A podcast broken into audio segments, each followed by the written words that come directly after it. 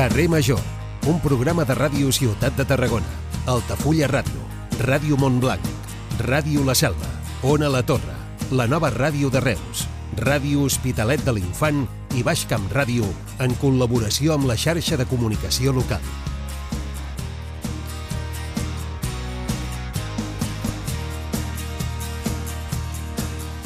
Hola, molt bona tarda, benvinguts. Són les 4 i 4 minuts i encetem el programa que fa 1134 de Carrer Major.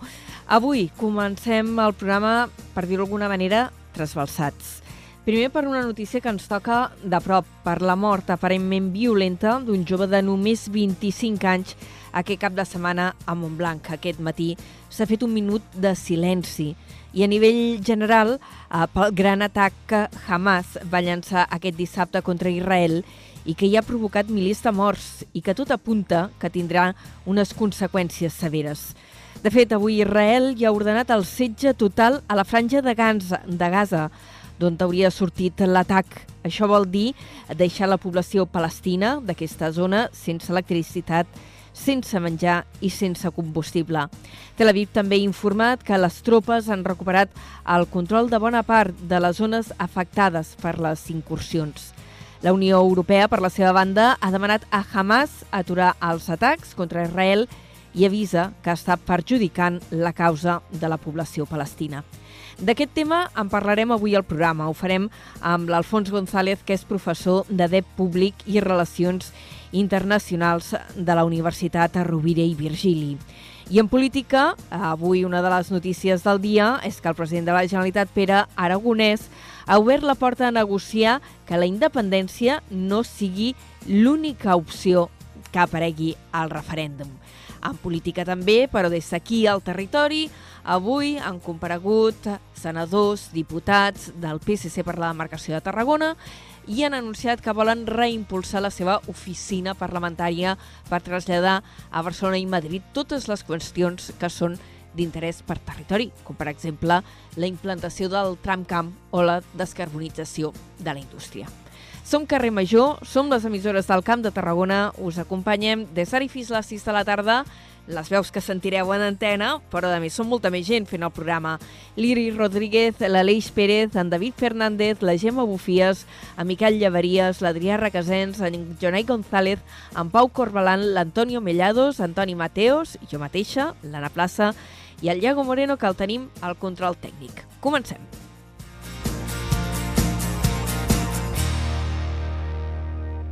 Carrer Major, Anna Plaza i Jonai González.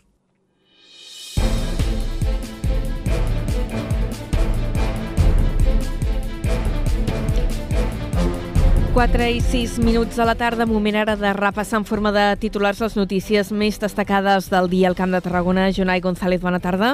Molt bona tarda.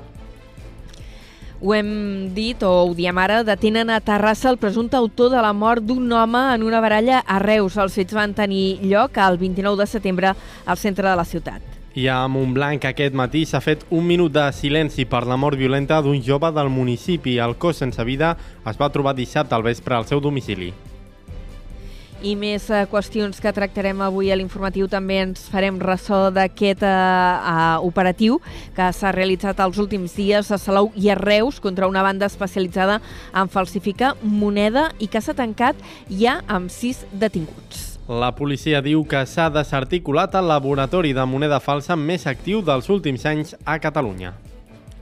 Més coses. El PSC reimpulsa la seva oficina parlamentària, diuen, per liderar les necessitats de Tarragona i l'Ebre i fer-ho a través del Parlament de Catalunya, el Congrés dels Diputats i el Senat. Els socialistes han afirmat que treballaran des de Barcelona i Madrid per projectes com el tramcamp, la descarbonització, l'àrea metropolitana del Camp de Tarragona o el Pla de Protecció del Delta de l'Ebre. La Generalitat inicia la tramitació per declarar bé cultural d'interès nacional l'edifici de Cal Ardiaca de Tarragona. Amb l'obertura d'aquest expedient, suspendran les llicències concedides i l'edificació a la zona afectada. El delegat territorial del govern a Tarragona, Àngel Xifré, afirma que el projecte de la ciutat de repòs i vacances no ha canviat i funcionarà com un alberg. Cifrent ha parlat avui en una entrevista a Ràdio Ciutat de Tarragona. La intenció és convertir aquest complex en un alberg de joventut, concretament el més gran de Catalunya. A Tarragona Ciutat, el projecte PAM a PAM ja ha dut a terme gairebé 200 actuacions de neteja i condicionament en la primera setmana. S'ha fet balanç ja del que s'ha fet a part Riu Clar, l'Albada i la Floresta. Avui dilluns, aquest projecte de neteja i manteniment intensiu ha arribat al barri de Bonavista. En l'Estic de Tarragona suma un punt més, empatant a casa davant del Pontferradina. Els granes encara no coneixen la derrota. I en bàsquet, en canvi, el CBT i el Salou han iniciat la Lliga LEP Plata perdent els partits respectius i per una notable diferència de punts. I en cultura parlarem de la Diada del Mercadal a Reus, en què es van veure games extres i castells de nou, però en què els xiquets de Reus, com a colla anfitriona, van patir una amarga caiguda que va tenir conseqüències.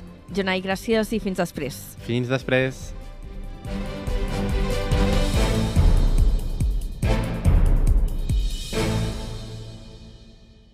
Carrer Major. Toni Mateos.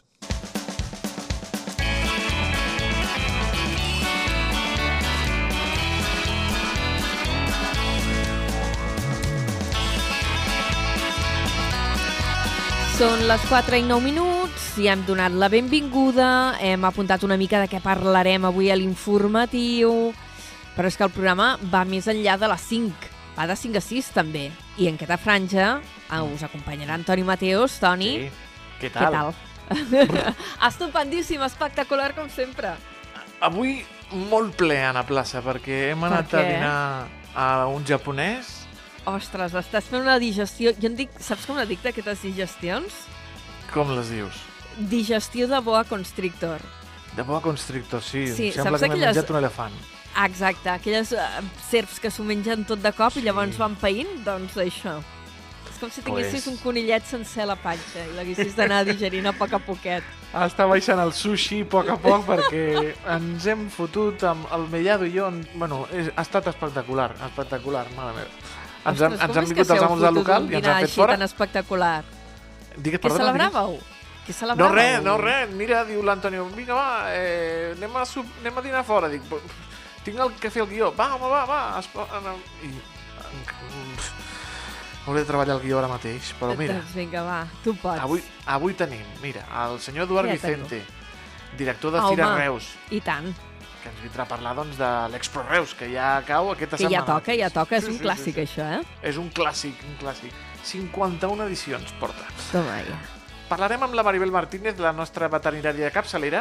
Saps aquelles cafeteries que s'han posat ara de moda de, de gats? On Sí. pots anar a, a, a prendre't un tallat i acariciar un gat? Sí, Doncs parlarem d'aquestes cafeteries sembla de... que s'hagin inventat la gran cosa, eh? Vilaseca No, al, en al Japó una. molts anys, eh? Al Japó porten mol, molts anys, molts anys.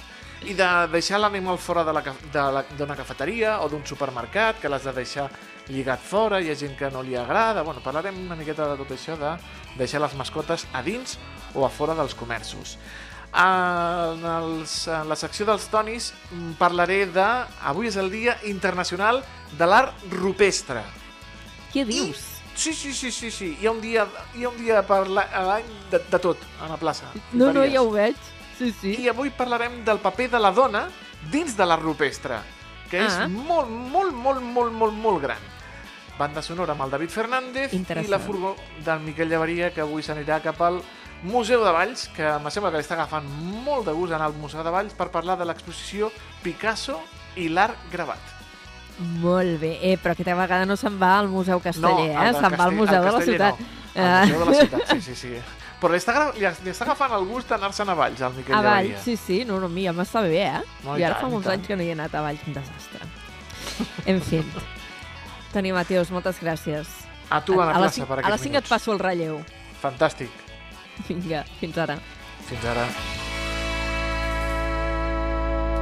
Cada tarda de dilluns a divendres fem parada a Carrer Major.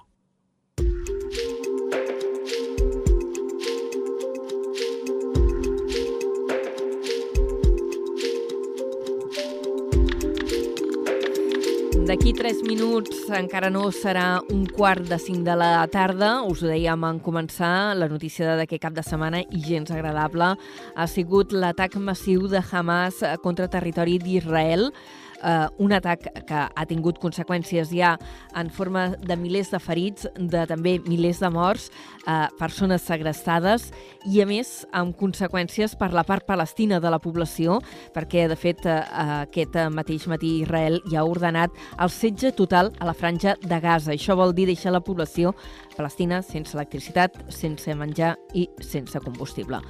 És una fase més i aquesta molt magnificada eh, d'un conflicte que fa dècades que s'arrossega i tenim ganes de parlar-ne o de posar-hi una mica de perspectiva i per això hem trucat a l'Alfons González, ell és professor del Departament de Dret Públic de la Universitat Rovira i Virgili, també especialista en relacions internacionals i en l'anterior mandat va ser director general d'Afers Europeus i Mediterranis de la Generalitat.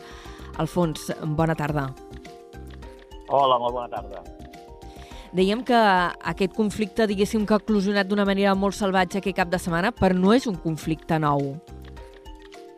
No, de fet és una cosa que eh, arrossega pràcticament des de la finalització de la Segona Guerra Mundial i de la creació de, de l'estat d'Israel, un estat que es crea sobre un territori que el propi poble, poble jueu considera territori propi des d'un punt de vista històric, en tant que consideren que era el territori promès a Abraham i als seus descendents per establir-se no? per part de, de Déu. I a partir d'aquest moment, doncs, a, a, el poble jueu considera aquell territori com el territori en el que s'han d'establir. Però el problema ve quan, diguem, aquell és un territori que s'ocupa per diverses potències al llarg de la història. Eh, el poble àrab eh, l'ocupa des del segle VII i un cop finalitzada la Segona Guerra Mundial, aquell territori era un protectorat del Regne Unit i eh, Nacions Unides intenta buscar una solució que satisfagui a, a, la, a les dues parts, a la part jueva i a la part eh, palestina, i proposa un repartiment del territori pràcticament al 50%, però pocs, eh, el dia abans de que finalitzés el, el control per part dels britànics d'aquell territori, Israel decideix unilateralment crear l'estat d'Israel i, eh, diguem-ne, ocupa, creant aquest estat, eh, aquesta part del territori que li havia estat assignada. Però després, de manera progressiva, va menjant-se la resta del territori fins que eh, assoleix l'ocupació plena del que avui en dia és l'estat d'Israel i va arraconant a la població palestina en dos grans assentaments, que és Cisjordània i la franja de Gaza, amb una situació de molta precarietat d'aquestes zones, d'aïllament, pràcticament com si fos un apartheid semblant al que en el seu moment hi havia a, a Sud-àfrica, no? i això provoca un conflicte amb, amb el poble palestí que reclama, primer, poder viure a aquelles zones on vivia abans de que s'establís l'estat d'Israel, i dos, en aquestes zones que són eh, zones eh, en les que ara viuen eh, la població palestina, doncs poder viure eh, accedint a tots els recursos i no de la manera actual en la que estan vivint. Eh, creus que és una reacció per part de la població de Palestina, d'aquestes dues franges, Cisjordània i Gaza, eh, per la precarietat en què estan vivint des de fa dècades i dècades i amb pujades de conflictivitat que s'han anat produint al llarg de tots aquests anys, o hi ha factors externs que també han contribuït en aquest atac massiu? Hi ha una mica de tot. D'una banda, eh, l'estat d'Israel ha estat, diguem-ne, condemnat entre cometes, pel Tribunal Internacional de Justícia, que ha declarat que algunes de les seves actuacions respecte a aquests territoris són contraris al dret internacional públic, com per exemple la construcció del mur perimetral que aïlla la zona de Cisjordània i que aïlla la zona de Gaza de la resta de, de l'estat d'Israel. Eh, també els assentaments que s'han anat, els assentaments eh, eh, jueus que s'han anat establint en el territori de Cisjordània i que també per diverses comissions d'experts de Nacions Unides han estat considerats contraris al dret internacional públic, eh, doncs eh, suposa una vulneració del dret internacional i fins i tot l'ocupació diguem-ne, de Cisjordània i de Gaza per part de l'estat d'Israel ha estat considerada per la comunitat internacional com una ocupació de facto, per tant, té la consideració d'Israel com a de potència ocupant i com a tal ha, té un, ha de garantir el benestar d'aquesta ciutadania, cosa que, que, no està, que no està fent, no? i per tant, a partir d'aquí es genera per part de la població palestina doncs, un malestat i unes reclamacions que no es veuen satisfetes i que, a més a més, per part de la comunitat internacional també s'apreta, però que tampoc es veuen satisfetes. Això va provocar en un moment determinat, i de fet la creació de l'Israel també provoca una reacció dels, dels països àrabs que, diguem-ne, lluiten per mantenir doncs, la Palestina antiga i no reconeixen l'estat d'Israel, i ara que s'està produint una, un apropament entre alguns estats àrabs i més concretament per Aràbia Saudita amb, amb, amb, amb Israel, doncs aquest conflicte podria ser també motivat per altres potències àrabs que no volen que es produeixi aquest acord entre un estat àrab i Israel, perquè això trencaria aquest pacte que hi havia entre tots els estats àrabs de no reconèixer Israel fins que solucioni les, uh, la qüestió pendent del poble palestí. Uh, sentia que feia un any que s'estava preparant uh, aquest atac, que a més es va produir de manera simultània, com sembla que era una quinzena de punts al llarg de, de la frontera de, de Gaza amb Israel, uh, i amb, amb molts participants, amb milers de participants, i una cosa que ha sorprès és que uh, la intel·ligència, els serveis secrets d'Israel, no haguessin detectat a temps o haguessin pogut prevenir un atac d'aquesta magnitud, eh? Certament és sorprenent, perquè, diguem-ne, la fama que té l'exèrcit israelià i alhora també els serveis secrets israelians de, de ser molt eficients, doncs eh, no es veu corresposta amb la situació actual en la que sembla que s'ha permès o, diguem-ne, no s'ha conegut fins que s'ha produït aquest atac per part de Hamas i de forces de Hamas eh, sobre territori israelià. Això sorprèn notablement i, i, i la veritat és que deixa, diguem-ne, en mal lloc el govern israelià que, diguem-ne, sempre s'havia avançat de tenir controlat aquesta, aquesta situació i, a més, un govern, que és el, el govern actual, que està controlat per partits d'ultradretes ortodoxes i que, per tant, són partidaris de gestionar aquest conflicte en madura. No? Doncs són partidaris de gestionar aquest conflicte en madura i resulta que no el seu exèrcit i els seus serveis d'intel·ligència no han estat capaços de, aparentment, de uh, detectar aquesta situació.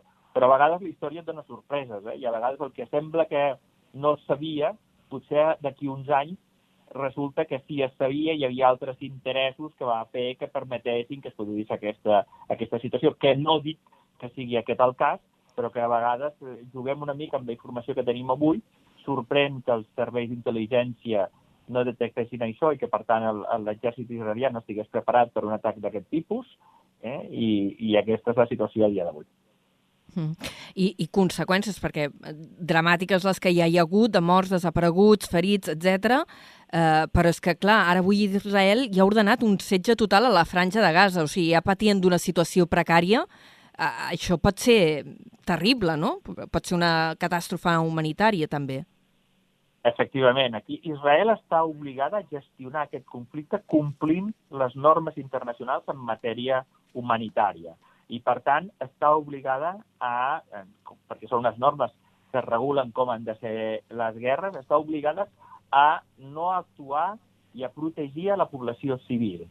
Eh? I, per tant, això, diguem-ne, xoca amb, una, amb un atac frontal sobre aquesta franja perquè tenint en compte també el nivell de densitat de població d'aquesta franja, doncs un atac indiscriminat eh, o un atac sobre determinats punts efectivament, segons com es porti a terme, suportaria una, suposaria també un atac contra la població civil, com ja estem veient, i, per tant, una vulneració de les normes de dret internacional.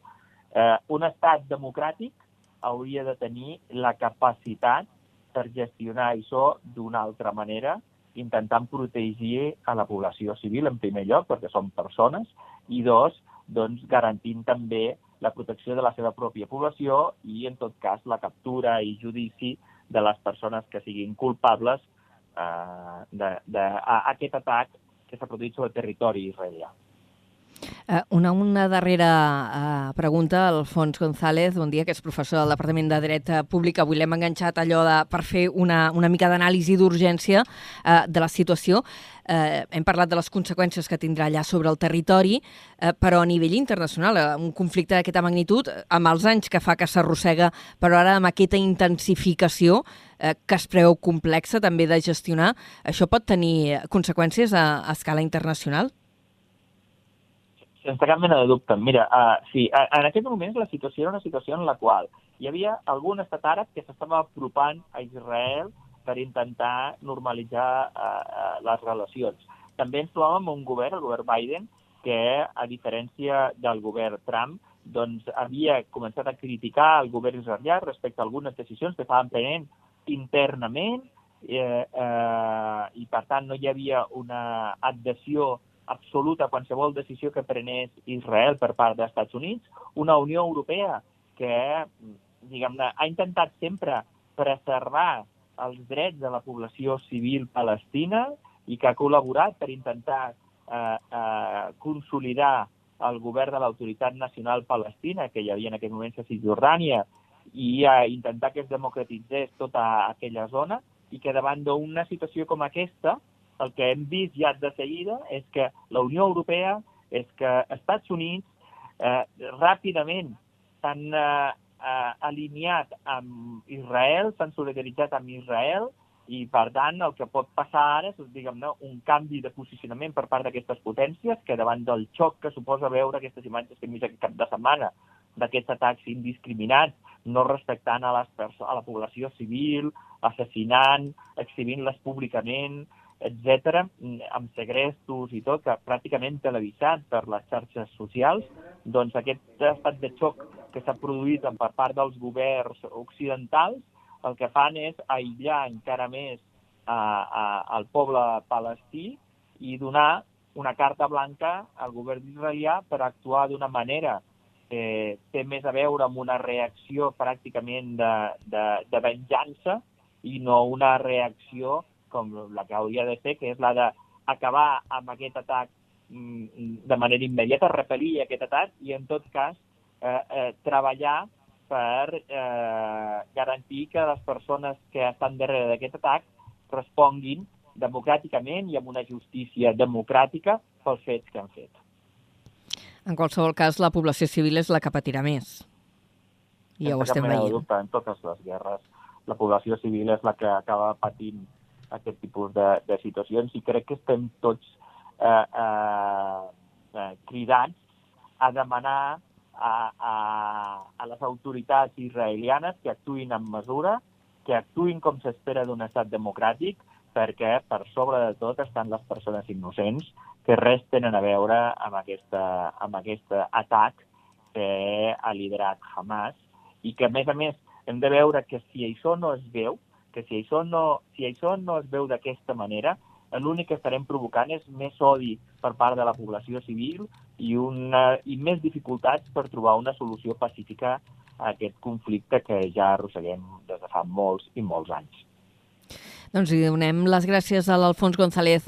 Bon dia, com hem dit, professor del Departament de Dret Públic de la Universitat Rovira i Virgili, per haver-nos acompanyat avui eh, per fer aquesta anàlisi d'urgència del que està passant a Israel i a Palestina. Moltíssimes gràcies. Moltes gràcies a vosaltres. Bona tarda. Fins ara. Adéu-siau.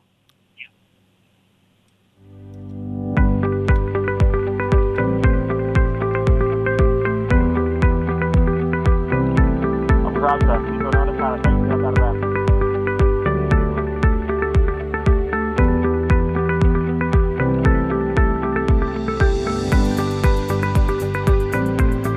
Seguim endavant eh, i com fem els dilluns, normalment a carrer Major, eh, aprofitem per analitzar la situació esportiva, com han anat eh, els diferents campionats esportius del cap de setmana i en aquestes alçades de la temporada també ens agrada parlar de castells perquè encara està tot en dansa i més aquest cap de setmana que hi ha hagut una diada important I en parlem amb en Carles Cortés, ell és eh, periodista casteller, periodista esportiu, i l'hem enredat aquesta temporada perquè ens acompanyis.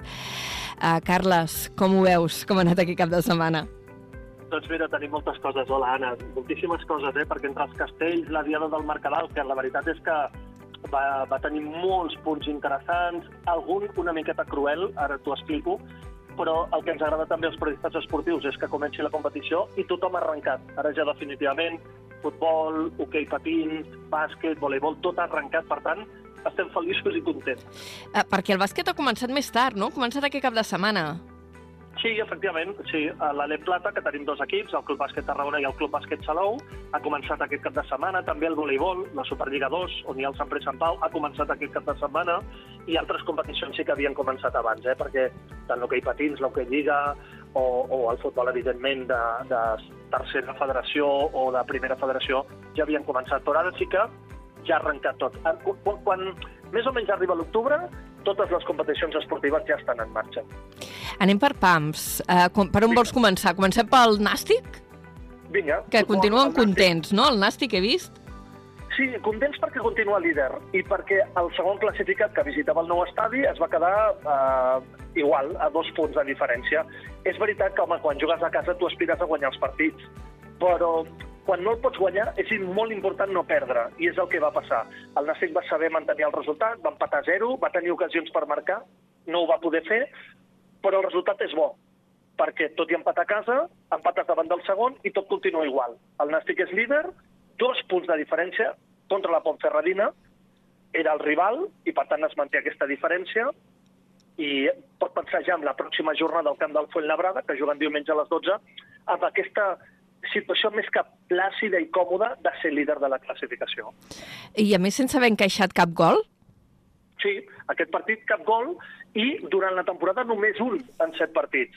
I això és una de les coses que més es valora aquesta temporada en l'inici de Lliga. Però, com et dic sempre, Anna, això és molt llarg, no és com comença, sinó com acaba, i l'inici és molt bo, però s'ha d'intentar mantenir tota aquesta trajectòria i marcar algun golet més, Anna, que això també aniria molt bé. Eh, perquè què va passar que quedés la, el marcador a 0 a, aquest eh, dissabte al nou estadi? Vull dir, es van tancar molt enrere els, eh, els de la Pontferradina o com, com va anar això? Sí, és un d'aquells equips que jo crec que es conformaven amb un empat a zero, per tant, arrenca un punt de Tarragona. La Pontferradina era segona i jo crec que és un d'aquells equips que saps que empatant fora de casa i guanyant a casa tu estaràs a la part alta. El Nàstic va tenir ocasions, o sigui que també va faltar cert, perquè va haver-hi sobretot un parell d'ocasions, una de Gorka Santa Maria, que si hagués entrat, evidentment, el Nàstic s'hagués emportat la victòria per 1 a 0. Per tant, eh, el rival eh, va incomodar, va fer un partit incòmode, i el Nàstic va tenir alguna ocasió que no va aprofitar. Crec que és important remarcar les dues coses. Mm -hmm. Anem al bàsquet, perquè també dèiem que ja ha començat la, la Lliga LEP, que, que, que ha tardat, no? Vull dir, estem ja al mes d'octubre, han començat ara, aquest, justament aquest cap de setmana, i a més no ha anat especialment bé pels dos equips de, de casa nostra, el CBT i el Salou. Efectivament. Efectivament. Això t'ho passaré rapidet. Com no són bones notícies, ho fem més rapidet. Ho fem ràpid, no, allò? Sí, sí. Tira. És veritat que el Club Bàsquet Tarragona va perdre la pista del Palma, jugava a les Illes Balears, 96 a 80, de 16 va perdre, però és que el Club Bàsquet Salou jugava a casa contra el Bàsquet Mallorca, l'altre equip balear, i va perdre de 15, 62 a 77. Per tant, no és el millor inici pels dos equips, una casa i una fora, però també com dèiem al futbol, això és molt llarg, els equips s'han de, han de quallar, eh, s'ha s'ha de trobar el, el moment i el més important és que els dos equips el que han d'aconseguir és la permanència a la categoria. No són aspirants a l'ascens, sinó que han d'intentar aconseguir la permanència. Per tant, ningú s'ha de posar nerviós per perdre la primera jornada, en cap cas, tot i que un va perdre de 16 i l'altre va perdre de 15.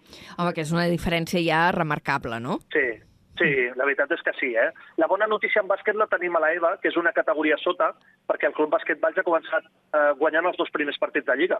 Havia guanyat la primera jornada, ha guanyat aquest cap de setmana la segona, i és un dels líders de la categoria. Ho dic per compensar una mica, Anna, Sí. perquè, perquè si no malament. Que no sigui tan amarg. Escolta, Correcte. en hoquei també tenim bones notícies perquè el, el Reus Deportiu havia començat allò una mica amb amargor, tot i que ja es preveia difícil davant del Barça, però aquest cap de setmana li ha anat millor. Sí, de fet, tenim una bona notícia i una molt bona notícia a l'Hockey Lliga pels representants de casa nostra. La bona notícia és la del Reus de Jordi Garcia. Va guanyar 6 a 5 davant del Mataró.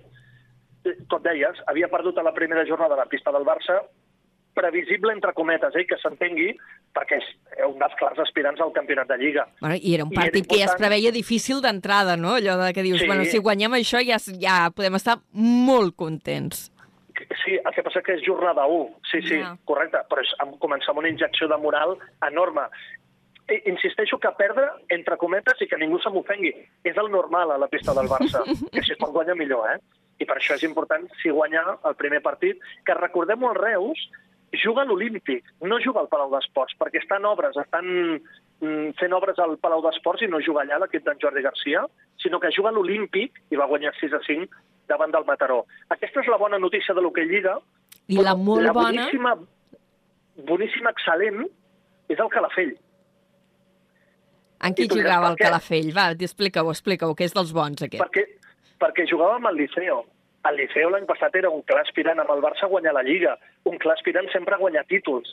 I el Calafell va guanyar 3 a 2 aquest cap de setmana davant del Liceo, està tercer a la classificació en 4 punts, perquè havia empatat en la primera jornada, i és una notícia excel·lent, però excel·lent de veritat, aquesta victòria del Calafell 3 a 2 amb el Liceo. Ens queda alguna coseta? Ah, sí, vòlei, que també hem Sí. començat ja. Correcte, La Superliga també ha començat 2. I de la millor manera. 3 a 0 davant l'Ibiza Voleibol, Això el Sant Per Pere i tant- Sant Pau, eh? Estem parlant del Sant Pere i Sant Pau. Efectivament, el Club Voleibol Sant Pere i Sant Pau, un històric del voleibol, que va començar en aquesta Superliga 2, la segona categoria estatal del voleibol, va començar guanyant 3 a 0 davant de l'Ibiza, per tant, molt bona notícia. Un vòlei Sant Pere Sant Pau que sempre està dalt, sempre Sí. està a la part alta, sempre aspira a pujar, i unes vegades pots i les altres no. L'any passat va jugar a la fase d'ascens, però no va poder pujar. Anem a veure si enguany ho pot aconseguir. Hem fet així una mica de repassada de l'actualitat esportiva del cap de setmana, però dèiem que aquest eh, dissabte també hi va haver una diada castellera d'aquestes potents. Era també a casa nostra, era a Reus, concretament, estem parlant de la diada del Mercadal, i dius que va anar molt bé, que es van veure grans construccions, però que hi va haver un punt amarg. Expliquem-ho, Sí, això. sí. Per mi va ser... Els castells van ser molt cruels amb els xiquets de Reus. Molt cruels. Perquè mm, per Sant Pere van provar un castell de nou, el 4 de nou en folre i va quedar en intent. I ara pel Mercadal volien provar el 3 de nou en folre. Tenien ganes de, de recuperar aquests galons de nou, de colla de nou. I van fer un intent que gairebé el van carregar. Van quedar, què? 3, 4, 5 segons. Però es va trencar i va quedar en intent. I ja no és només això, perquè van començar molt bé amb el 2 de 8 en folre, la segona ronda anava a aquest castell de nou, però la caiguda va condicionar tant, tant, tant, tant a la colla que van acabar fent castells de 7. 4 de 7 i 4 de 7 amb l'agulla. I per tant per això dic que va ser molt cruel. No, no es mereixen aquests xiquets de Reus, amb la feina que han fet durant la temporada, eh, trobar-se en una dia del Mercadal on comences molt bé i una caiguda fa que acabis fent castells de 7. Va ser molt cruel. Aquest és el costat negatiu, perquè les altres colles, si fem una visió global, van acabar bastant satisfetes. Hi va haver algun lesionat, però allò simplement va ser més l'impacte emocional i la gent copejada que, que va impedir que, que es tiressin endavant construccions més importants. Segurament algun cop, eh? segurament alguna lesió, algun cop, segur, que, que fa que ho condicioni que no puguis provar castells de 8 a la tercera ronda, però creiem que res greu, però segur, alguna lesió d'aquelles que et condicionen després no poder tirar per exemple, el castell de 8, que és el que els hi va faltar als xiquets de Reus, que, que segur que els hi hagués agradat com a mínim poder fer un altre castell, un parell de castells més de 8. Sí, perquè ja que actues a casa, no? És una mica la Sí. teva diada. En fi, i el, la resta de colles, això sí, van veure castells de nou i games extras. Efectivament, mira, ràpid repàs. La millor actuació de la colla vella. Va fer dos castells de gamma extra, però carregats. No els va poder descarregar. 4 de 9 en folre i pilar i 2 de 8 sense folre, dos castells que enguany ja havia fet. El 2 de 8 els hi falta descarregar-lo. I això apunta a Santa Úrsula el dia 22, intentar descarregar aquest castell. L'altre va ser un accident, perquè aquesta temporada l'han fet moltes vegades, el 4 de 9 en folre i pilar. I ens van ensenyar el 4 de 9 en folre que, atenció per Santa Úrsula, podria pujar un pis més i convertir-se en castell de 10, en el 4 de 10 en folre i manilles. La Vella va fer la millor actuació i darrere els verds, els castellers de Vilafranca, que també van fer gamma extra. Dos concretament. Descarregats. El 2 de 9 en folre i manilles i el 5 de nou en folre, que va ser èpic. A- El I 2 va de 9 rematar en amb folre en porten uns quants, no, aquesta temporada? Menys dels que és habitual, perquè ells són els millors en aquesta estructura al llarg de la història dels castells. Però enguany en porten 3 de descarregats. No en porten altres temporades aquestes alçades, en portaven 10 o 12. Enguany en porten 3. Clar, estan acostumats a fer tantes animalades que Clar. ara... El que, el, que, el que realment va tenir mèrit és el 5 de nou en folre. de- Això, de deies que és ronda. èpic, que era èpic. Per què? Sí. Què va passar? Perquè, perquè treballadíssim. La gent del tronc el va treballar molt. La gent que pujava del tronc el va treballar molt. En qualsevol moment es semblava que es trencava i el van poder salvar, el van poder descarregar. I, a més a més, és el primer 5 de nou en folre que es descarrega aquesta temporada. S'havia carregat, ho havia fet les joves de Valls, però no s'havia descarregat encara. I, per tant, va ser un moment dels èpics d'aquesta diada del Mercadal. Doncs uh, celebracions per uns que estaven molt contents, com segurament devien ser els castellers de Vilafranca pel que expliques després d'aquest bon resultat, i els xiquets de Reus, doncs, pobres que sí, que a casa doncs, devien marxar bastant capcots de la plaça. Sí, tocats. de, de, les cares Sí, sí. devien ser un poema, m'imagino. Sí, sí, sí, sí, tocats. I més parlàvem amb el cap de colla, amb l'Oriol, Ciurana, i estava tocat perquè hi havia molta il·lusió durant les darreres setmanes de poder fer aquesta sala al Castell de Nou. Em deixo dues colles, que és la Jove de Tarragona i Capgrossos de Mataró, Sí. que van fer el mateix. 3 de nou en folre, 4 de nou en folre, 5 de 8, i la jove la diferència és que va fer el Pilar de 6 final, Mhm. però van fer la mateixa actuació. Que això és la Preparant- clàssica, no? És la clàssica de nou, aquesta. Mm, No. No, no, eh, no, no es, es diu tripleta màgica. Sí, 3 de 9, 4 de 9, 5 de 8 Val. seria la tripleta màgica. val. Mm. I van fer el mateix, afe- afegint, insisteixo, la jove al Pilar 6, però les dues colles una mica preparant el que els hi ha de venir, perquè la jove ara se'n va a Santa Teresa al Vendrell, diumenge vinent, i que Grossos també tenen algunes actuacions importants en aquesta recta final de la temporada. Eh, abans has esmentat Santa Úrsula, o sigui, si féssim agenda castellera diríem que aquest diumenge vinent eh, Santa Anna al Vendrell, diada important, i la següent important serà aquesta Santa Úrsula a Valls, que m'has dit que és el dia 22. Correcte, mira, faig repàs així ràpid i fàcil. Diumenge 15, Santa Teresa al Vendrell, diumenge 22, Santa Úrsula a Valls, dia 29, Sant Narcís a Girona, 1 de novembre, Tots Sants a Vilafranca, 19 de novembre, la Diada dels Minyons de Terrassa, com a diades importants, eh, perquè n'hi ha Sí. moltes més, però aquestes són les més destacades. Home, normalment és allò d'entre Santa Úrsula i Tots Sants eh, s'acabava, no? I ara veig que encara Sí. ho allarguen més a, a Terrassa fins al 19 de novembre.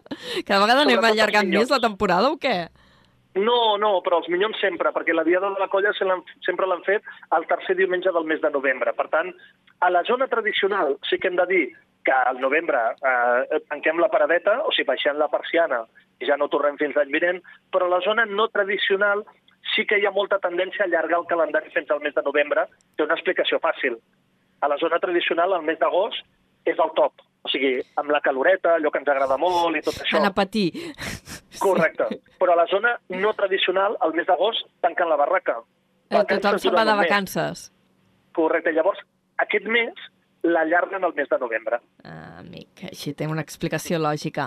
Uh, per cert, uh, per Santa Úrsula uh, hi haurà la inauguració oficial del Museu Casteller, que no sé si has tingut l'oportunitat de veure'l o, o encara no. Sí, sí, sí. sí. Ja anat? Efectivament, es van obrir portes al principis d'octubre, efectivament. No, perdó, de setembre, principis de setembre. Sí. Va obrir les portes, el van poder visitar. És un, és, és un monument, ai, un monument, un museu que s'ha de visitar. Tothom ha d'anar-hi alguna vegada. Molt d'audiovisual, molta història dels castells, et situes, i encara que no en sàpigues molt de castells, s'ha de visitar, perquè el, el suport audiovisual ajuda a entendre moltes coses del fet casteller, la internacionalització, la rivalitat, ajuda a entendre. A més, hi ha també alguns, alguns elements amb molta història, és d'aquells que s'ha de visitar. I, efectivament, el dia 22 a la tarda es farà la inauguració ja oficial del Museu Casteller de Catalunya. Doncs, uh, Carles Cortés, moltes gràcies per haver-nos acompanyat uh, un dilluns més. El Carles ens acompanya des d'aquesta temporada. Ell és el responsable del programa Finet i pel mig i també del programa de Ràdio Ciutat. Uh, com ho veus? En un parla de castells, en l'altre parla d'actualitat esportiva i aquí fem una miqueta pinzellada de tot plegat. Moltíssimes gràcies, Carles. Ja, tu, Anna, gràcies. Fins, Fins la setmana que ve. Adéu. Carrer Major, al Camp de Tarragona, des de ben a prop.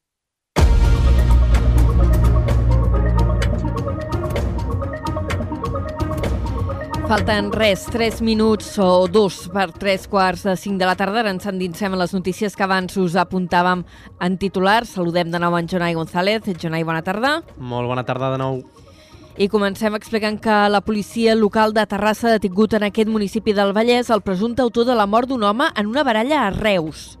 Els fets van tenir lloc el passat 29 de setembre al centre de Reus. La nova, des de la nova ràdio de Reus, David Fernández. La policia local de Terrassa ha detingut un home de 39 anys amb diversos antecedents policials com el presumpte autor de la mort violenta d'un altre home en una baralla al carrer Dorotea, al nucli antic de Reus, el passat divendres 29 de setembre al voltant de les 11 de la nit.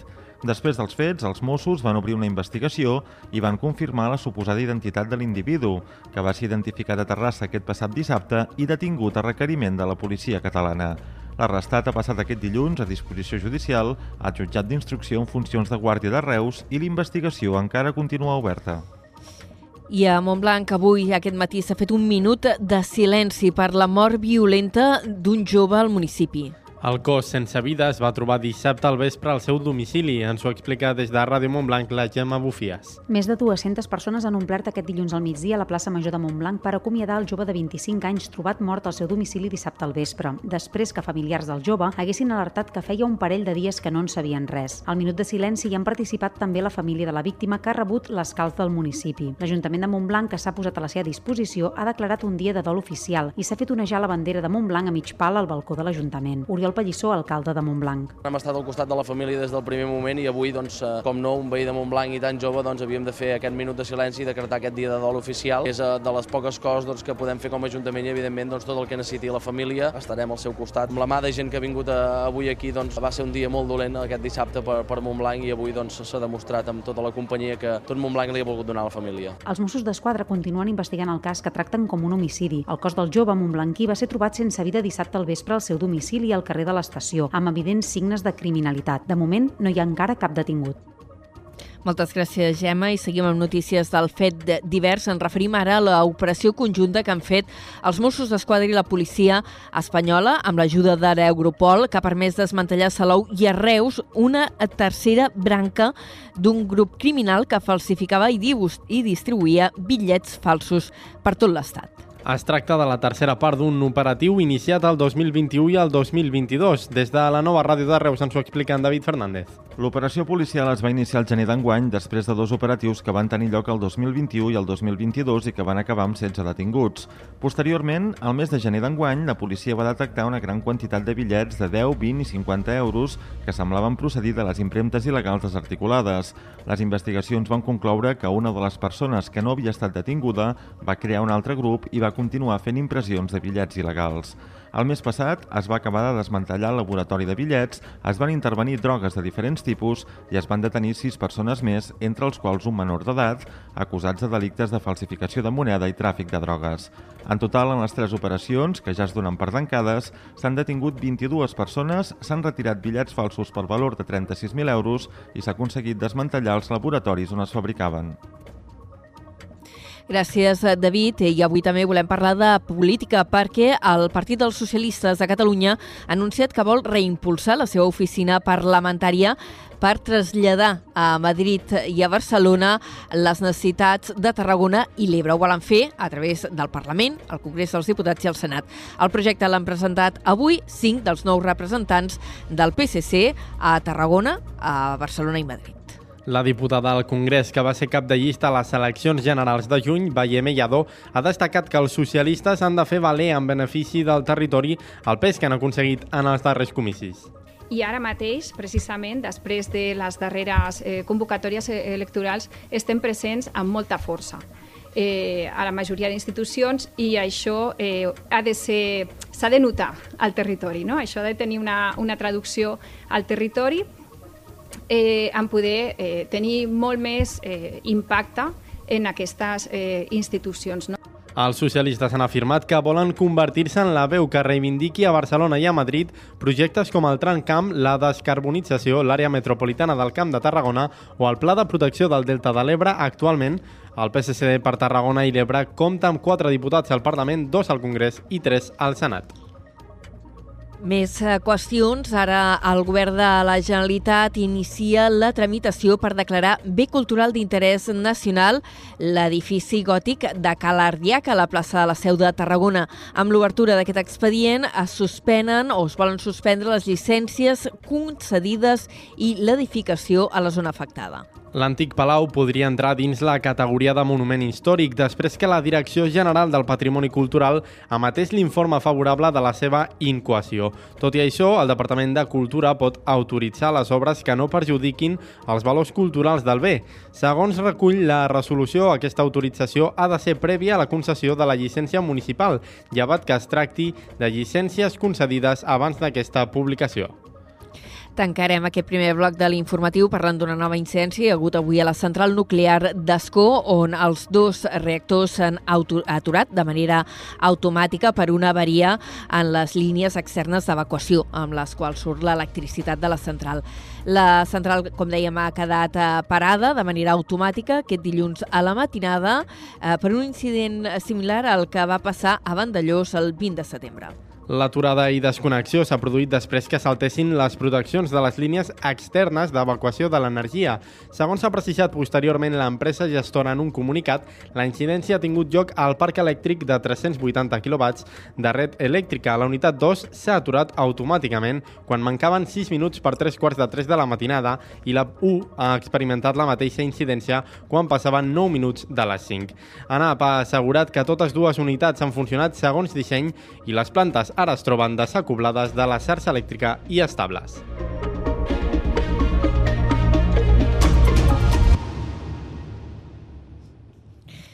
Passen ara 4 minuts de 3 quarts de 5 de la tarda. El delegat territorial del govern a Tarragona, Àngel Xifré, afirma que el projecte de la ciutat de repòs i vacances no ha canviat i funcionarà com un alberg. Xifre s'ha referit concretament a aquesta instal·lació i ha obert la porta a qualsevol iniciativa. Ens ho amplia des de Ràdio Ciutat de Tarragona, l'Arnau Curto. El delegat territorial del govern a Tarragona, Àngel Xifré, assegura que el projecte de la ciutat de repòs i de vacances no ha canviat el seu objectiu inicial.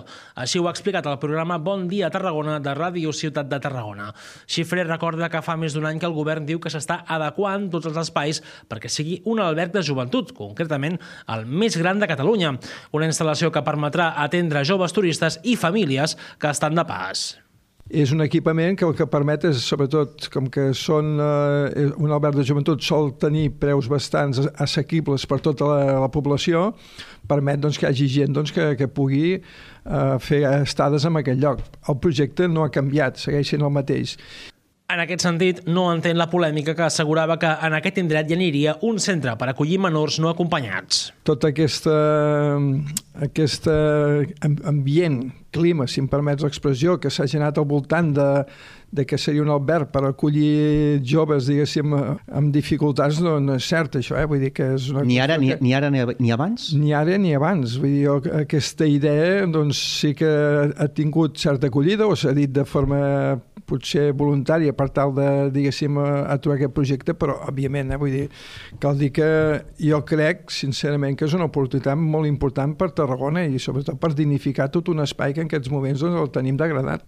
Paral·lelament, malgrat que en un principi no estava previst cap espai pels barris de Llevant, el delegat territorial obre la porta a acollir qualsevol iniciativa que l'Ajuntament tingui per a aquest equipament. Xifré ha estat protagonista d'un nou episodi del Bon Dia Tarragona, una entrevista que podreu recuperar íntegrament a la web de Ràdio Ciutat de Tarragona. I a Tarragona el projecte PAM a PAM ja ha dut a terme gairebé 200 actuacions en la primera setmana des que va arrencar la zona de Ponent. És el balanç dels primers dies en què s'ha actuat concretament als barris de Parc Riuclar, l'Albada i la Floresta. Pel que fa a neteja, dins dels tres eixos del projecte s'ha treballat en profunditat les voreres i l'asfalt, incloent la neteja de solars, escocells d'arbres i el sanejament de vuit illes de contenidors, entre d'altres. També s'ha posat a punt la font del bosc de l'Albada, així com el reforç en actuacions de manteniment d'elements singulars, com per exemple la pèrgola del centre cívic de la Floresta. Aquesta setmana el PAMAPAM ja ha engegat a Bonavista avui dilluns, a Buenos Aires i carrer del Set, i fins dimecres aprofundint en carrers i places i tenint a compte a banda del manteniment, els elements de dignificació específics en cada cas. La tercera setmana es continuarà també amb aquest barri a Bonavista. La Universitat Rovira i Virgili ha obert la primera sala de lactància a la universitat i ho fet al campus Catalunya de Tarragona perquè les dones eh, puguin eh, mantenir l'enlletament quan es reincorporin a la feina després del permís de maternitat. Es tracta d'una prova pilot que es preveu estendre a més localitzacions segons la demanda i l'ús. Així, a partir d'ara, les mares que reincorporin al seu lloc de treball al Campus Catalunya disposen d'una sala amb una butaca reclinable i dues butaques cadira, endolls, nevera, tauleta, ventilador i calefacció. En crònica local, el govern de Torredembarra ha obert la porta a pujar alguns impostos i taxes de cara a l'any vinent. En concret, s'està estudiant la possibilitat d'incrementar l'impost de béns immobles, l'IBI, i la taxa de recollida d'escombraries. Des de la Ona la Torre ens ho explica en Josep Sánchez. Així ho ha assegurat el mateix alcalde Eduard Rovira durant una entrevista al programa Saló de Plens d'Atac 12. El Batlle de Torredembarra ha explicat que la inflació i l'augment de preus generalitzat han fet que s'incrementin les despeses de l'Ajuntament, com passa a moltes altres administracions. És eh, per això que ha apuntat que cal equilibrar el pressupost i que gairebé segur hi haurà un increment de l'IBI. Totes les despeses despeses eh, pujaran més i, per tant, hem d'equilibrar el balanç, el pressupost, de manera que es pugui assumir tots els serveis que hem de prestar. Eh, evidentment, ara estem preparant les ordenances fiscals i encara estem estudiant, però és possible, o quasi segur, que hi ha d'haver un increment de l'impost de béns immobles, que és l'impost més important que tenim nosaltres. Rovira ha anunciat que possiblement també augmentaria la taxa d'escombraries. En aquest cas, més enllà de la necessitat de tenir més ingressos, comenta que té a veure amb l'exigència de la normativa europea que s'haurà d'aplicar l'any 2025 i que estableix que el cost del servei de recollida de la brossa s'ha de cobrir únicament amb les taxes sobre aquest concepte. Anem als esports. Anem als esports i parlar en primer lloc del Nàstic de Tarragona, que ha sumat un punt més i encara és líder sense conèixer la derrota. Els tarragonins van empatar a 0 en un duel d'ocasions, però en cap dels dos equips va trobar la porteria rival. Des de Ràdio Ciutat de Tarragona ens ho amplia l'Adrià Tella. El Nàstic de Tarragona empat a 0 davant la Pontferradina i es manté líder després d'un autèntic partidàs entre els dos primers classificats del grup. Els tarragonins han tingut bones opcions per endur-se els 3 punts, malgrat que també han pogut fer-ho els visitants. Finalment, taules sense gols en un xoc en el qual han passat moltes més coses de les que diu el resultat. No s'equivoca, però, en la igualtat existeix i s'ha notat, així com també s'ha notat per què ocupen amb dos conjunts la zona noble de la classificació. Un partit tens, molt competit i amb un ambient de futbol professional a la gespa i a la graderia. Ha començat bé la Ponfe, que s'ha acostat a les immediacions d'Alberto Baro en els primers instants. En canvi, el Nàstic ha anat de menys a més fent-se amb la pilota i sent capaç de reconar els del Bierzo a la seva àrea. Amb dos conjunts han tingut opcions clares per avançar-se al llarg del xoc. Tant locals com visitants han hagut de salvar in extremi situacions de perill que han quedat molt a prop de convertir-se en gol. En el tram final ha estat el Nàstic qui ha buscat el partit. Gorka Santa Maria ha tingut la més clara per notar una diana que podria haver estat decisiva, però el seu xut ha marxat fregant al pal. Es trenca la dinàmica de quatre victòries consecutives i és el primer partit del nou estadi que no es guanya aquesta temporada, però res canvia. El camí és el mateix, el Nàstic segueix líder, deixa una nova porteria a zero i suma un punt més que el manté imbatut després de ja set jornades de campionat. I en bàsquet hem de parlar de que ja ha començat la Lliga Le Plata i els dos equips del nostre territori que hi juguen, que són el CBT i el Club Bàsquet Salou, han perdut en el primer encontre. Dit això, anem a repassar l'actualitat castellera.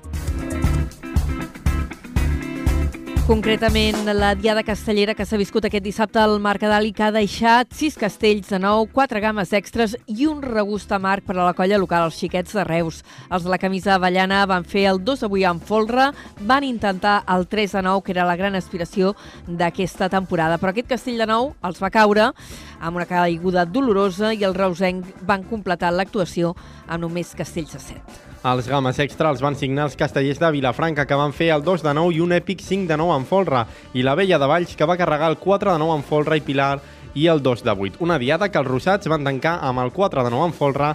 La diada del Mercadal també va veure dues tripletes màgiques de la jove de Tarragona i els capgrossos de Mataró amb el 3 i el 4 de 9 en folre i el 5 de 8. Informatiu a Tapaït. Nosaltres tanquem aquí la primera hora de carrer Major. Ara a les 5, el Toni Mateus i companyia. Adéu.